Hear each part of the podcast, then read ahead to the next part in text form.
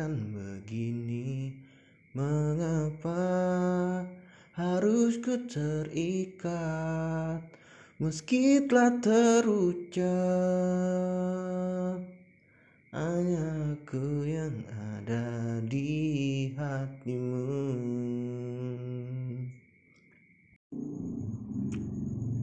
Pengennya tuh tag hari eh tag maksudnya uh, upload itu hari Selasa Kamis Sabtu gitu.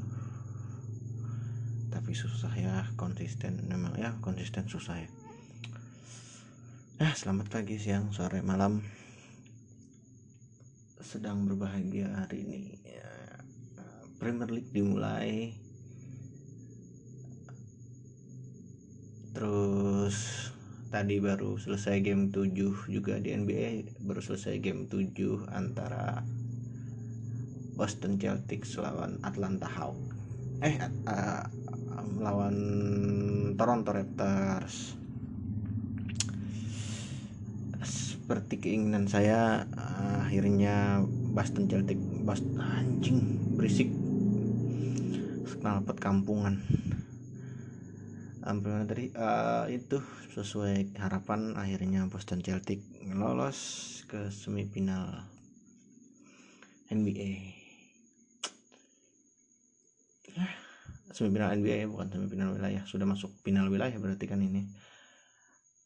Terus tadi juga uh, lihat hasil ini. Lihat hasil Clippers lawan mm, dan Pernaget kayaknya nggak imbang. Memang bukan lawannya sih ya. Memang kayaknya Clippers kayaknya memang harus ketemu Lakers.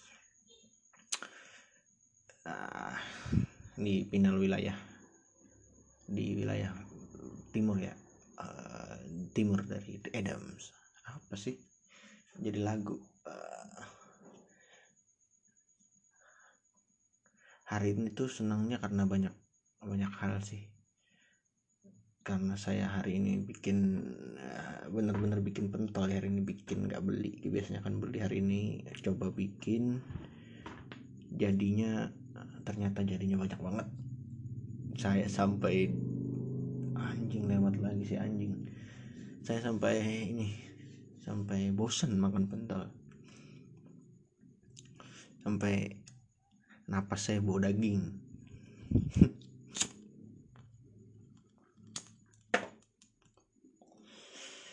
perut saya hari ini isinya pentol sama pentol sama ini doang sama cabe.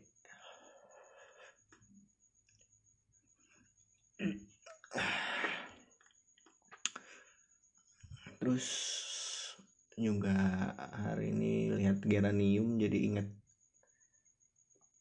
sesuatu gitu ya uh, dan sesuatu yang bikin senang juga jadi ingat masa-masa uh, 2017 waktu kuliah dulu ya waktu masih ngekos gitu uh, jadi saya tuh orang yang uh, nggak nggak pandai bergaul bukan introvert tapi nggak pandai bergaul berteman gitu.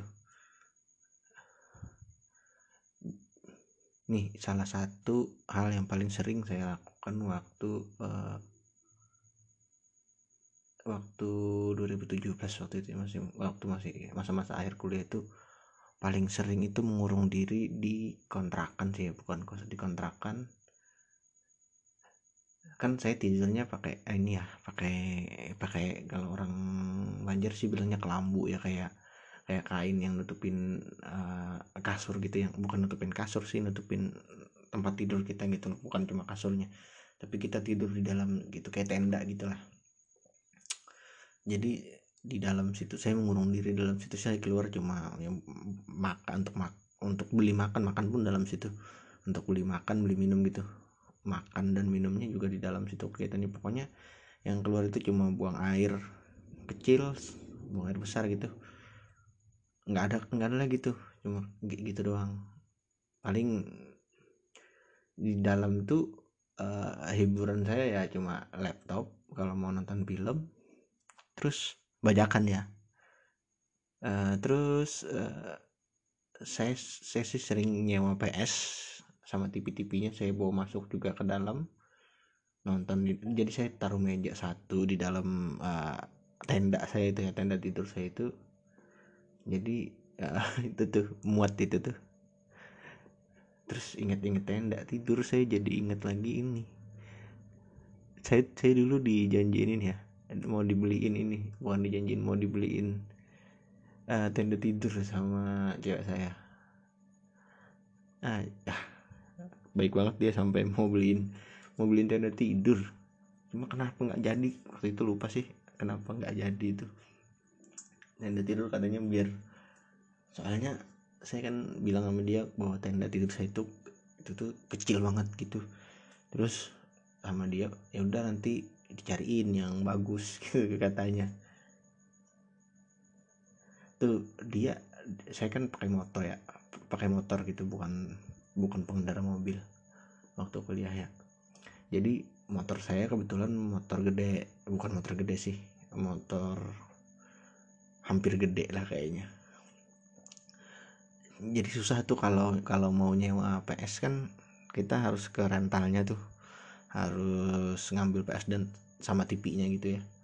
Nah susah buat TV-nya harus saya kan sendirian jadi susah buat TV-nya jadi saya uh, itu ke itu cewek saya itu banyak bantu itu. Jadi saya ke kosannya cewek saya terus saya tukar motor saya saya tinggal di sana saya minjem motor dia. Saya bawa motor dia ke sana uh, buat bawa TV sama PS ntar saya antar balik gitu motornya. Saya terus saya balik ke kos lagi. Gitu tuh. Tuh saya beli saya beli PS eh saya beli PS saya nyawa PS nyawa TV terus saya beli makan minum gitulah.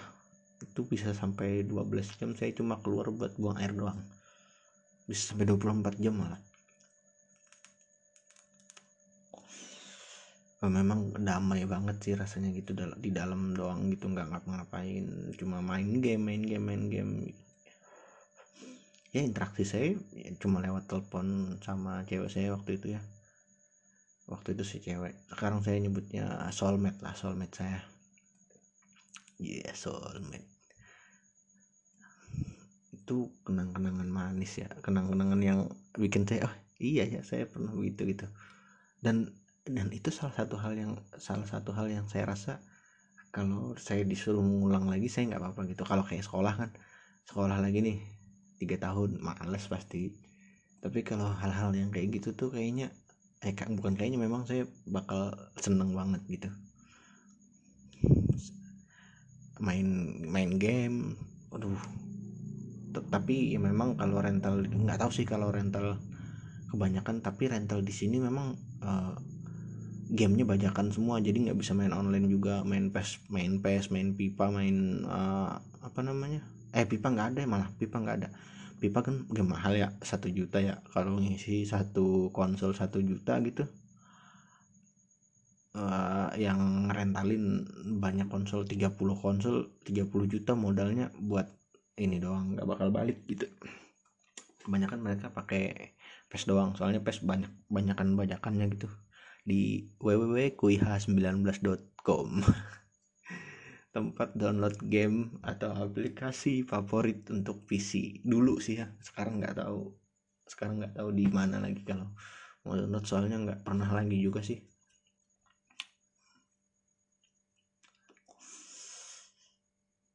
Terus juga ini uh, kemarin itu eh hari ini bukan kemarin sih. Hari ini uh, karena Premier League hari ini mulai Premier League Premier League Premier League hari ini mulai karena itu juga uh, fantasi Premier League juga mulai. Biasanya saya cuma ikut yang uh, liganya itu yang global gitu nggak kenal cuma cuma buat kepuasan sendiri bahwa wih saya hebat milih pemain minggu ini gitu gitulah tapi uh, tahun ini ada yang beda karena podcast idola kita bersama saya sih terutama podcast seminggu uh, itu bikin liga uh, fantasi Premier League jadi asik gitu ada interaksinya gitulah.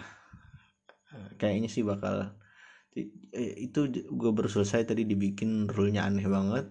Jadi yang yang juara sih normal ya dapat reward ya. Jadi uh, untuk yang ikut gitu 10.000 per week per game week.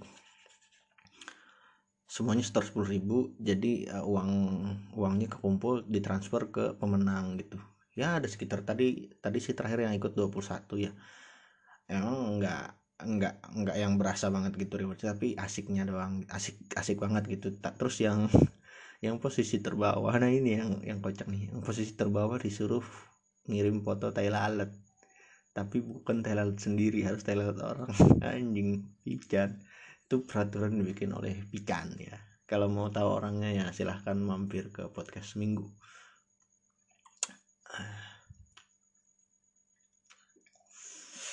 Fantasi Premier League Premier League mulai. Walaupun uh, tim kesayangan saya uh, nggak uh, bisa tampil di week pertama karena uh, di, diberi waktu istirahat satu minggu karena kemarin uh, di akhir musim yang terganggu karena COVID-19 Manchester United kan melaju sampai eh, hoki lah melaju sampai semifinal Europe League.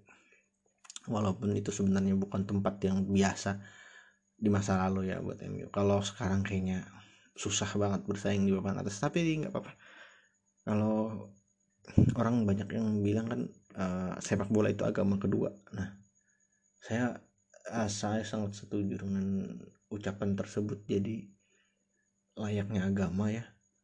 Klub idola juga jadi agama kedua gitu kayak lakum dinukum wadiadin bagi bagiku agamaku bagimu agamamu gitu.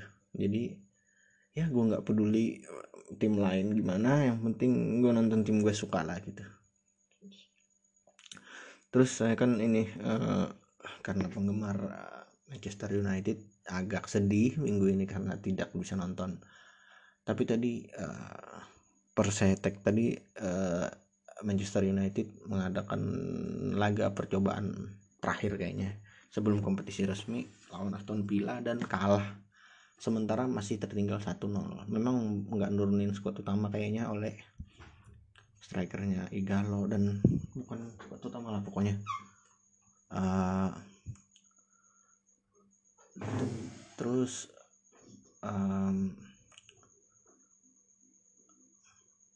kayaknya belanja pemain pun masih kurang ya masih cuma satu gitu datangin satu pandemik memang harusnya nggak usah beli yang pemain besar juga season ini sebenarnya cukup beli satu back buat nakut-nakutin Lindelof sama uh, siapa?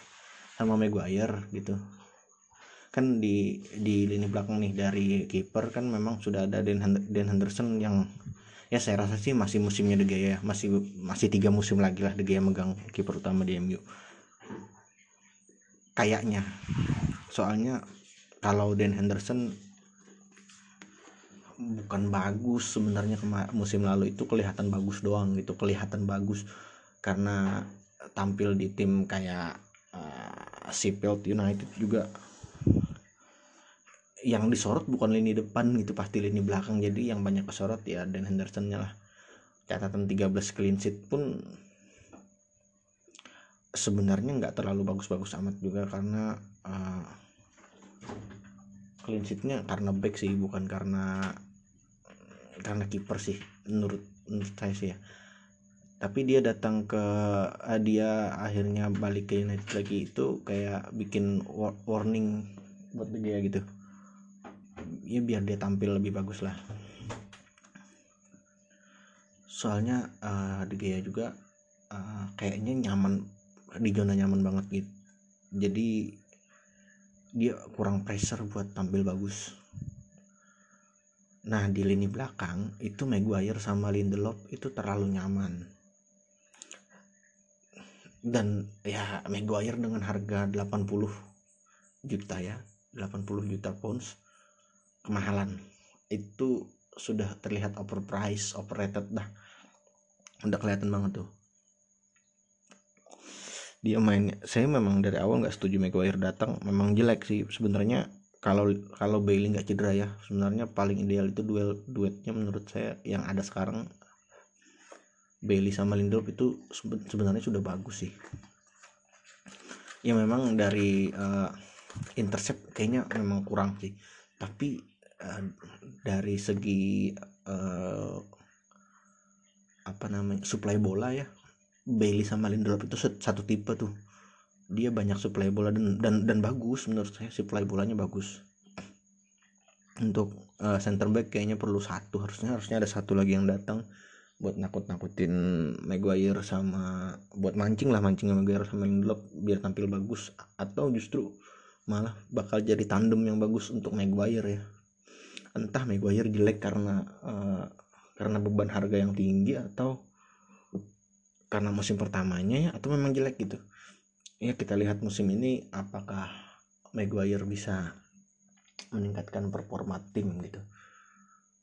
Terus uh, di pullback di wingback ya di wingback back kanan sih Aaron Wan Bisaka itu uh, Aaron Wan Bisaka itu cuma kayak kayaknya sih ya kalau tampil di musim lalu sebenarnya dia all out tuh sudah bagus tuh bagus. Cuma kalau dari kalau mau cari back lagi kayak Nepil susah gitu MU sekarang susah. Soalnya permainan di Liga Inggris pun nggak kayak dulu. Kalau dulu kan terkenal tuh hampir semua tim di Liga Inggris tuh pakai kick and rush gitu. Kalau di basket sih sebetulnya give and go ya give and go. Kalau di sepak bola kick and rush. Nah itu tuh uh, uh, susahnya karena sekarang jarang uh, pelatih pakai formasi sayap. Rata-rata uh, serangan memang dari tengah gitu nggak yang kalau kayak dulu kan uh, yang paling saya ingat itu duet uh, Roy Keane sama Paul Scholes. Eh, atau gini deh duetnya Carrick sama Paul Scholes di lini tengah MU masa itu ya kenapa bisa kenapa bisa sampai juara champion sampai uh, sampai tiga kali masuk final champions walaupun dua kalinya kalah. Sebenarnya lini tengahnya itu yang jadi kunci MU waktu itu eh, lini tengah dan uh, wingback dan lini sayap ya. Nggak cuma wingback waktu itu yang jadi kunci. Setelah permainannya berubah datangnya David Moyes kayak kayaknya itu menghancur semua pondasi yang sudah dibangun tim dan akhirnya memulai lagi tuh. Dan sudah tujuh tahun membangun saya rasa masih belum nemu nemuin pondasi yang bagus lagi gitu.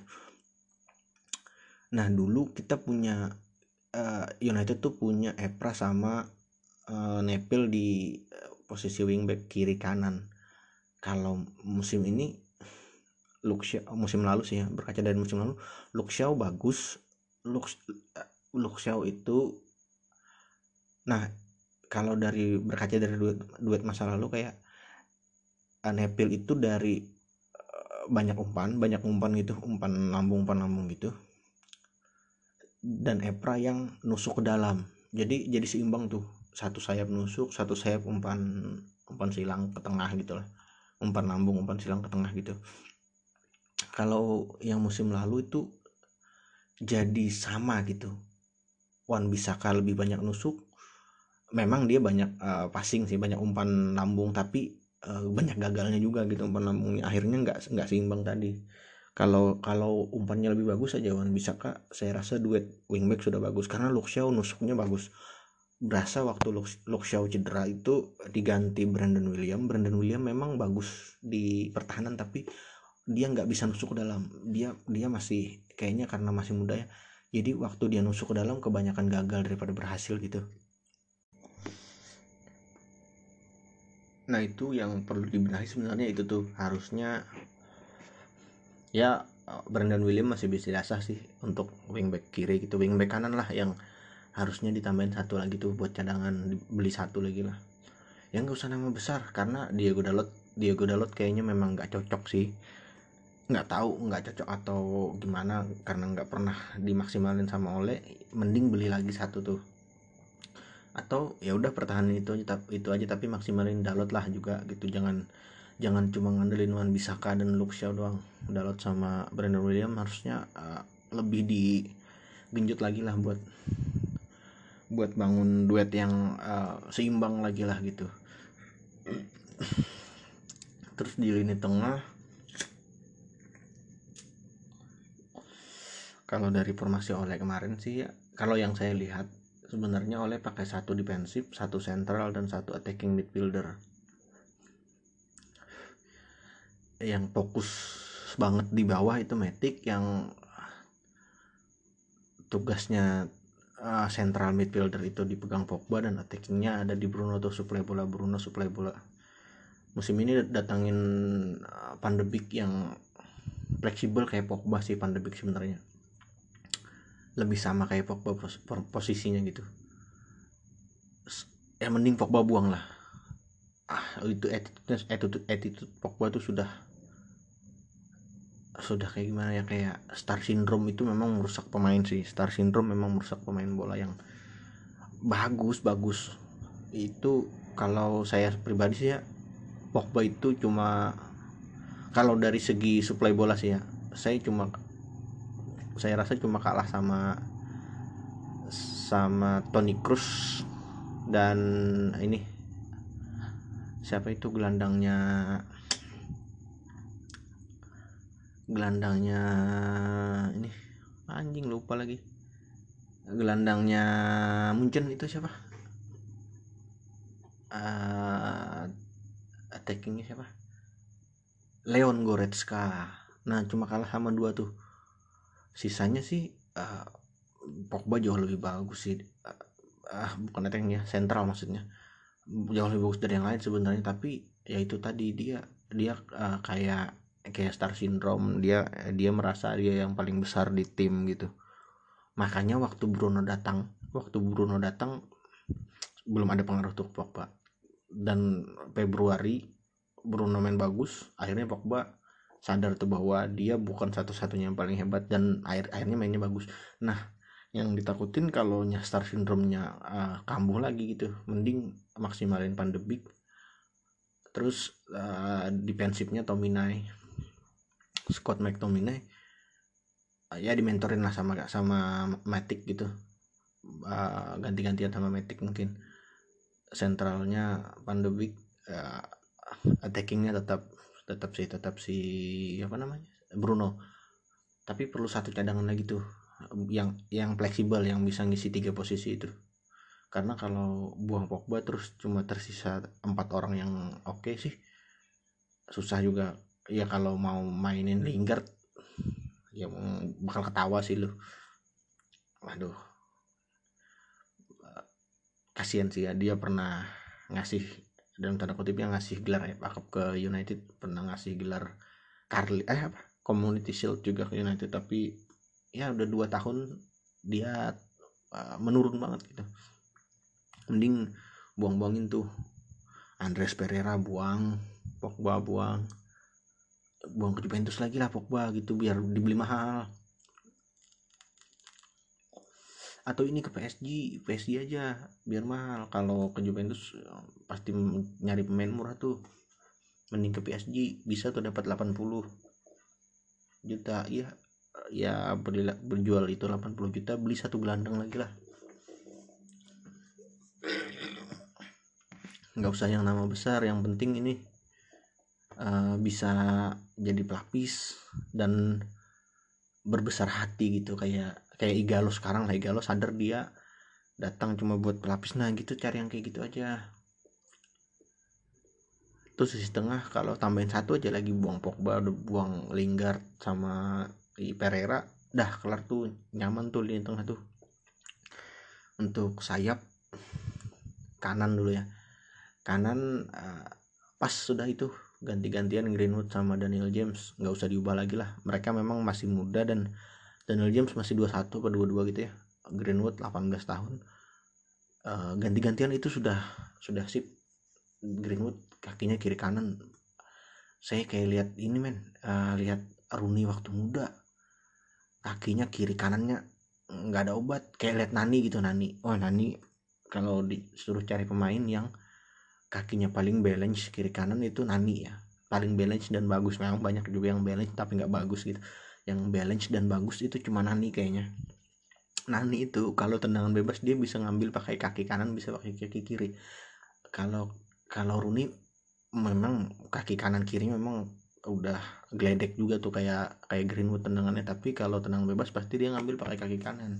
Kalau Nani doang tuh yang bisa kaki kanan bisa kaki kiri. Bagus tuh Greenwood kayaknya bisa dilatih kayak Nani deh saya saya sampai sekarang masih belum tahu sih ya dia itu sebenarnya dominan kanan apa kiri. Tapi untuk eh, di sisi kanan penyerangan sih Greenwood sama Daniel James ganti-gantian udah pas tuh. Daniel Daniel James kan bisa di kiri bisa di kanan juga. Nah yang kiri nih. Yang kiri yang harus dibuang juga tuh satu pemain Rashford. Rashford itu kebanyakan gaul sama Pogba Lingard Pereira dah rusak dah Rashford itu bagus karena MU nggak punya apa-apa dulu. Coba deh lihat main Rashford sekarang. Ah, sampah sumpah sampah banget. Kalau kalau ngeliat gol doang sih ya ya semua pemain juga kalau hoki bisa cetak gol gitulah eh, mending atau cadangin gitu dah spot nggak usah dibuang misalnya kalau mau lihat potensi dia lebih jauh karena dia pemain muda ya. Ya buanglah tiga tiga teman yang rusak pergaulan dia yang membuat dia menjadi pemain yang uh, memiliki sindrom bintang star syndrome itulah. Ya dia kelihatan gini dia dia cuma mau cetak gol gitu padahal supplier. Martial itu season ini bagus loh. Martial itu ini tahun kedua dia jadi top scorer MU yang awal dia datang 2015 dia top scorer MU juga tuh 17 gol. Tahun ini dia 23 gol. Martial itu bagus kalau dapat suplai bola. Nah masalahnya Martial jauh lebih uh, jauh lebih bagus dalam nyuplai bola ke Rashford dibandingkan Rashford nyuplai bola ke Martial. Ma Rashford memikirin gol. Ya memang insting striker harusnya gitu tapi kalau maksain itu yang jelek jadinya yang kemarin kalah aja kan gara-gara dia ngampes banget tuh Rashford tuh yang kalah di Europe League. Skill baru nonton di YouTube langsung dicoba di lapangan kan tolol. Kayak lu kayak kayak kayak gini nih baru nonton kan di YouTube. Tutorial bla bla tutorial cara bikin kue bolu. Diikut terus anda ikutin gitu anda ikutin bukan buat anda makan buat anda jual. Ya kacau kayaknya sih ya. Dia samba-samba gitu kan. Ya keplecok tolol. Terus sisi kiri beli satu lagi lah. Nggak usah yang pemain mahal kayak Sancho gitu. Sancho kemahalan. Bikin rusak neraca keuangan United dan bikin bikin runyam ruang ganti gitu. Karena ada satu pemain yang uh, diasuh sebagai anak emas jadinya karena harga mahal mending beli satu yang yang yang cari kayak Daniel, Daniel James dulu lah. James kan diberi dari Hull City. Ya pertama dia datang nggak tahu si dia siapa gitu. Tiba-tiba di game week satu ngegolin lawan Chelsea. Nah cari yang gitu aja yang yang bikin kejutan bikin kejutan lah nggak usah harga mahal. Karena ekspektasi kita nggak usah terlalu tinggi jadinya gitu.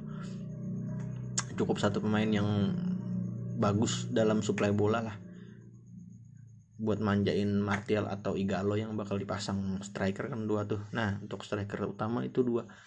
Igalo sama Martial sudah cocok tuh. Martial wah Martial itu pemain United yang paling bagus dalam one on one lawan kiper. Musim lalu saya cuma lihat dia sekali gagal waktu one on one lawan kiper. Sisanya gol apalagi kalau dia sudah tap in ke dari dari dari uh, lapangan kiri nih dia tap in ke, ke dalam tap in kayak kayak si kayak kalau kalau dulu kan Robin kan nusuk terus belok langsung uh, flashing ke, ke tiang jauh tuh. Martial tuh kalau dia udah gitu ah udah tuh gol tuh. Cuma memang jarang dapat suplai bola mau gimana ya nah kalau dari segi pemain sih itu aja sih. Saya kiri satu terus gelandang serba bisa satu terus wingback wingback kiri satu back tengah satu. Harusnya empat main lagi datangnya. Nggak usah yang harga mahal yang harga 20-an aja. Kan tujuannya juga pelapis doang. Kalau eh, Sancho kemahalan kecuali Dortmund mau jual Sancho kalau kisaran angka 60 beli sih kalau 60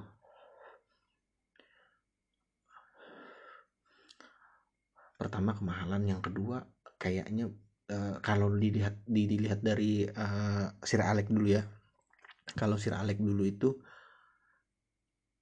kebanyakan pemain kunci Sir Alex itu datang dari tim-tim di Premier League. Nah karena musim ini gara-gara Maguire diberi 80 juta kayaknya tim-tim Premier League masing-masing tuh matok harga mahal kalau dijual ke United. Kayak Jack Grealish aja 80 juta. Tuh Grealish kalau harga 40 atau 60 lah kisaran 60 ke bawah tuh belilah. Itu worth it tuh. Tapi kalau 80 jangan lah. Nggak nggak ada gunanya juga kalau dia beli 80 terus cuma jadi pelapis Bruno atau pelapis Rashford atau ganti nama Rashford gitu ya ngapain mending beli yang 20-an lah. Padahal ya gitu tadi kembali lagi kayak kuncinya Sir Alex dulu coba coba deh. Apalagi yang tahun 2000-an ke atas lah ya. Pembelian eh bukan 2000 ke atas lah dari awal kejayaan United lah. Kayak kayak zaman 90-an tuh 92 awal juara. Kuncinya iya kuncinya memang sebenarnya dari pemain yang dibeli dari Liga Inggris juga bukan harus kebangsaan Inggris ya tapi uh, beli dari tim-tim di Premier League. Contohnya uh, 90-an awal tuh MU beli Cantona. Cantona kan dari Leeds ya Leeds United. Itu sukses. Terus jadi kunci pemain permainan malah. Terus uh, eh, MU punya Andy Cole. Andy Cole juga dari Liga Inggris. Lupa sih apa. Aston Villa apa apa Leeds juga ya? Lupa. Nah itu kan juga jadi salah satu jadi kunci juga tuh duet dia sama Dwight York dulu kan. Bagus banget tuh. Terus masuk tahun 2000-an memang yang berkuasa di starting eleven waktu itu memang masih kelas of itu ya karena memang ya memang bagus juga sih lulusannya. Musim 92 itu memang bagus-bagus semua. Tapi maksudnya pemain kunci-kunci lain itu kebanyakan juga datangnya dari Liga Inggris doang gitu. Coba sebutin siapa yang yang datang dari luar Liga Inggris. Dari luar tim Inggris. Tim Liga Inggris gitu. Nggak ada kayak ya ada Ronaldo. Cuma Ronaldo doang yang jadi kunci datang dari luar gitu terus masuk 2000-an awal uh, tuh MU contohnya MU beli Peron gagal. Itu sih 2000-an awal itu kenapa kenapa hancur sih? Karena kayaknya uh, jual jab stem sih ya. Jual jab jual jab stem itu kayak awal titik MU harus uh, istilahnya regenerasi ulang pindahnya Beckham juga pengaruh besar terus akhirnya kan dapat main kunci lagi tuh. Main kuncinya uh, dua orang lah Rooney sama Ronaldo. Nah Rooney juga dibeli dari Everton tim Inggris juga gitu. Yang nggak harus kebangsaan Inggris yang penting dia udah main di Liga Inggris gitu terus habis Rooney yang dibeli lagi uh, yang jadi kunci ya TPS juga dari West Ham kan dari tim Inggris juga. Terus Michael Carrick dari Tottenham juga dari tim Inggris. Berbatop juga dari tim Inggris. Tim Inggris aja gitu yang yang uh, jadi kunci kayak uh, dari weekend itu siapa? Valencia kalau nggak salah weekend ya? Nah itu kan tim Inggris juga gitu. Terus Ferdinand Ferdinand Ferdinand juga tim Inggris. Ferdinand diberi dari dibeli dari Leeds United juga. Mencahin rekor ya waktu itu back termahal tapi kan tim Inggris juga gitu. Kalau beli dari tim Inggris untuk dipakai di Liga Inggris lagi bakal gacor. Uh, Rooney Tepes Berbatop Kerik di era modernnya. Itu juga dari Liga Inggris kan. Terus uh, di akhir-akhir masa akhir Sir Alex pemain kuncinya Robin Robin van Persie juga Liga Inggris juga. Nggak nggak ada yang dari lain gitu. Edwin van der Sar Edwin van der Sar dari Fulham juga dari Liga Inggris. Nggak ada yang ah, hampir jarang banget yang pemain kunci ditransfer dari uh, liga luar Inggris dari klub yang berkompetisi di, liga, di luar liga Inggris gitu dan itu yang terjadi di Liverpool sekarang. Kenapa Liverpool bisa juara Liga Inggris? Karena mereka akhirnya beli pemain yang benar-benar dari Liga Inggris. Contohnya mereka dulu jaya di 2005 ya waktu juara Champions mereka nggak bisa juara Liga Inggris karena pemainnya memang bukan dari Liga Inggris. Pemainnya memang kebanyakan kayak kayak dari ini uh, bawaan Rafael Benitez kan itu dari Liga Spanyol gitu memang jaya di Eropa tapi nggak bisa juga di Liga Inggris. Ya kalau mau ngincer juara Liga Inggris itu dulu tuh matengin uh, di Liga dulu lah kalau mau juara Champions. Kalau di Liga aja masih kocar kacir jangan berharap Liga Champions bisa jaya. Kayaknya selain Chelsea nggak ada deh tim Inggris yang uh, di bawah empat besar yang nggak jaya di liga waktu itu gitu. Hancur di liga terus juara liga champions. Kayaknya cuma Chelsea ya iya Chelsea waktu itu kan lima peringkat lima kalau nggak salah ya terus juara champions 2012 nah sisanya nggak ada tuh. Itu yang jadi kunci tuh harusnya beli pemain dari Liga Inggris aja. Kenapa? Ya, kecuali kalau MU mau jor-joran kayak City. Memang dari Spanyol pemainnya. Tapi banyak. David Silva ya Torre uh, banyak ya bukan? Nggak nggak hitung lah waktu itu ada si Aguero. Tapi banyak. Mau ngeluarin uang berapa lagi kita sudah banyak rugi gitu dari uh, beli Pogba beli Maguire beli Angel Di Maria beli uh, Sanchez sih gratis tapi gajinya mahal. Gagal semua gagal. Mending beli pemain murah yang dari Liga Inggris saya curiga sih musim ini milik City lagi sih ya karena dia datangin Nathan Ake. Nathan Ake kayaknya bakal jadi kunci deh. Nggak tahu sih ya si uh, Chelsea juga soalnya berat. Kalau uh, empat besar Liverpool pasti masuk. Nggak bisa digeser tuh dalam saya rasa dalam tiga tahun Liverpool bakal masuk empat besar terus. Tiga lah malah ya tiga besar. Kayak zaman Sir Alex ya kayak MU zaman Sir Alex nggak pernah keluar dari tiga besar tuh paling posisi paling uh, paling menyedihkannya ya di peringkat tiga gitu. Nggak kayak sekarang. Paling bagusnya di peringkat tiga. Tolol banget tolol. Eh tapi musim pertamanya Mourinho peringkat dua ya. Tapi jauh banget sama City. 82 poin kalau nggak salah MU City-nya 100 anjir 18 poin selisihnya. Jauh banget jauh. Terus uh, kembali ke kenapa Liverpool jaya tadi? Pemain Liga Inggris yang dibeli. Tuh lihat. Kuncinya di lini belakang ada di Virgil van Dijk dari Southampton.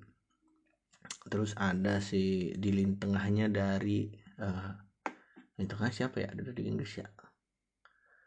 Nggak ada juga sih ya dari Liga Inggris nggak tahu tapi kan yang menjadi kunci justru ini trio Firmansyah. Trio Firmino Mane dan Salah. Kelihatannya Salah paling muncul tapi uh, kunci permainannya bukan Salah Firmino. Firmino yang jadi kunci permainan. Ambil Firmino tuh. Mereka bakal kerepotan bikin pivot tapi Origi sudah mulai bagus sih. Tapi pivot utamanya dari trio Firmansyah tuh Firmino sebenarnya. Dan supplier bola terbaiknya itu justru dari mana dari Southampton Liga Inggris juga. Kalau MU mau jaya MU harus uh, punya pemain-pemain terbaik dari Liga Inggris. Makanya itu Jack Grealish kalau harga 60 beli aja tuh.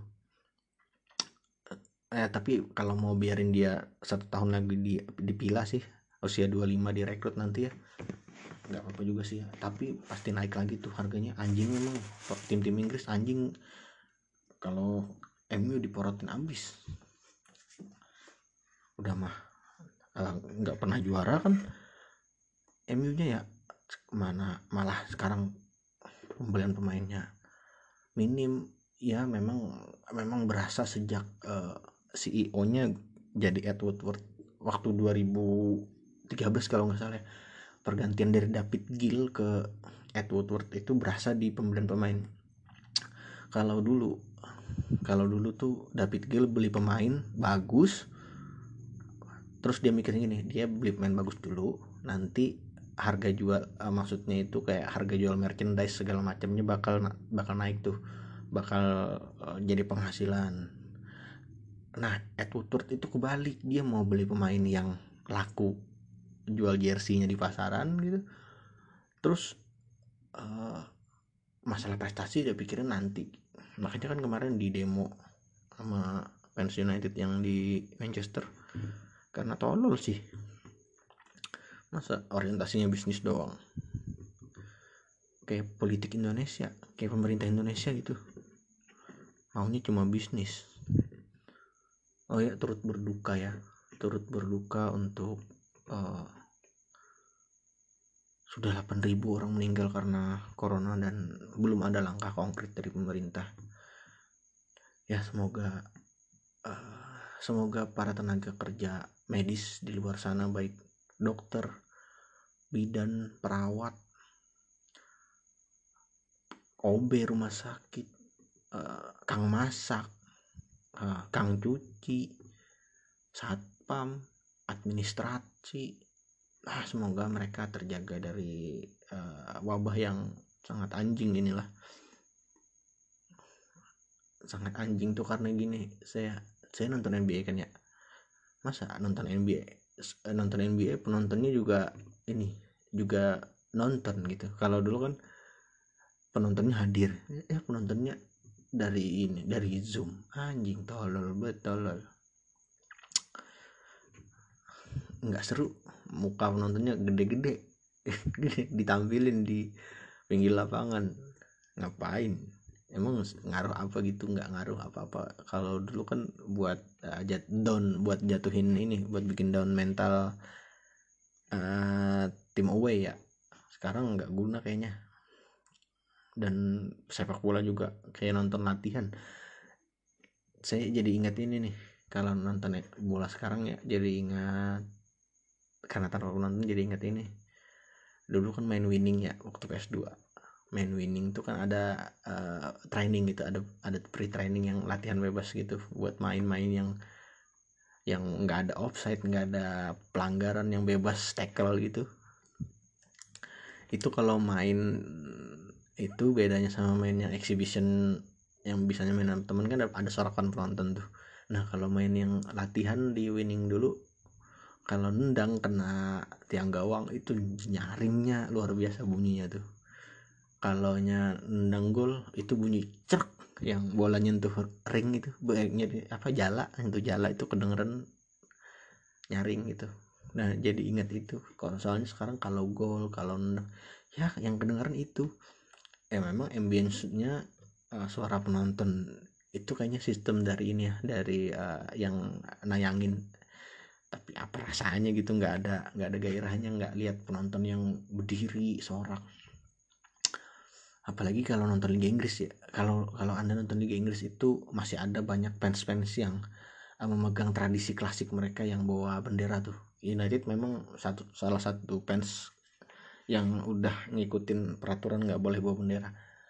Peraturan nggak bagus sih kayaknya itu ya. Soalnya nggak pernah ditindak juga kalau bawa bendera. Tapi ya masalah nggak nggak nggak apa apa juga kalau bawa bendera. Kan saya sering lihat itu kayak Liverpool terus kayak fans kayak uh, tim-tim klasik kayak Everton kayak Sunderland itu masih bawa bendera tuh. Bawa bendera gede dikibarin gitu-gitu. Itu kayak nonton liga-liga uh, klasik dulu lah.